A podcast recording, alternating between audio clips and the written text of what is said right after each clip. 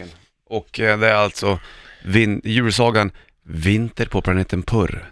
Skriven av Bollens Martin och Richie Puss. Läses av Richie Puss.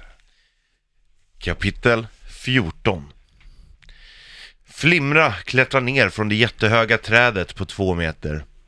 Har hon tagit sig vatten över huvudet?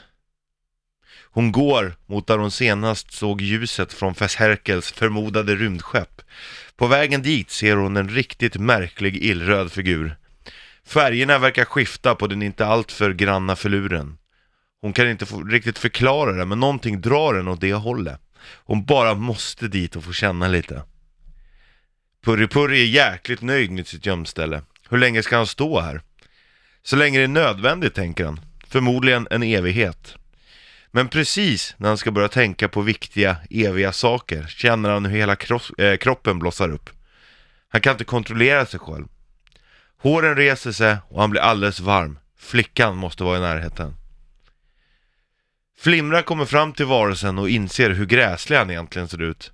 Men nu när hon har rest i evigheters evighet i sitt rymdskepp och inte fått idka älskog och ändå var här och det ändå inte fanns någonting annat överhuvudtaget så fick hon väl se vad hon kunde göra med, med den här. Purri-Purri kan inte motstå frestelsen att titta fram bakom sina händer. Kraften från flickan är alldeles för stark. Hon är det vackraste han sett. Han blir kär direkt.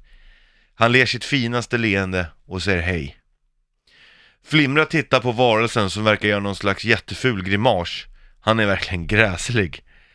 Är det verkligen värt att låta närma sig henne? Alltså det är klart, det är ingen som ser direkt eller? Hon skulle ju kunna lägga en papperspåse på Purri-Purris huvud. Då skulle ju ingen se dem heller. Fuck it, vi kör. Purri-Purri känner hur det gnistrar om deras älskande. Flimra känner avsmak. Efter två evigheters sekunder är de färdiga. Fan vad värdelöst det här var, tänker Flimra. Tvilling-Omen är skapad. Flimra blir gravid. oh, le,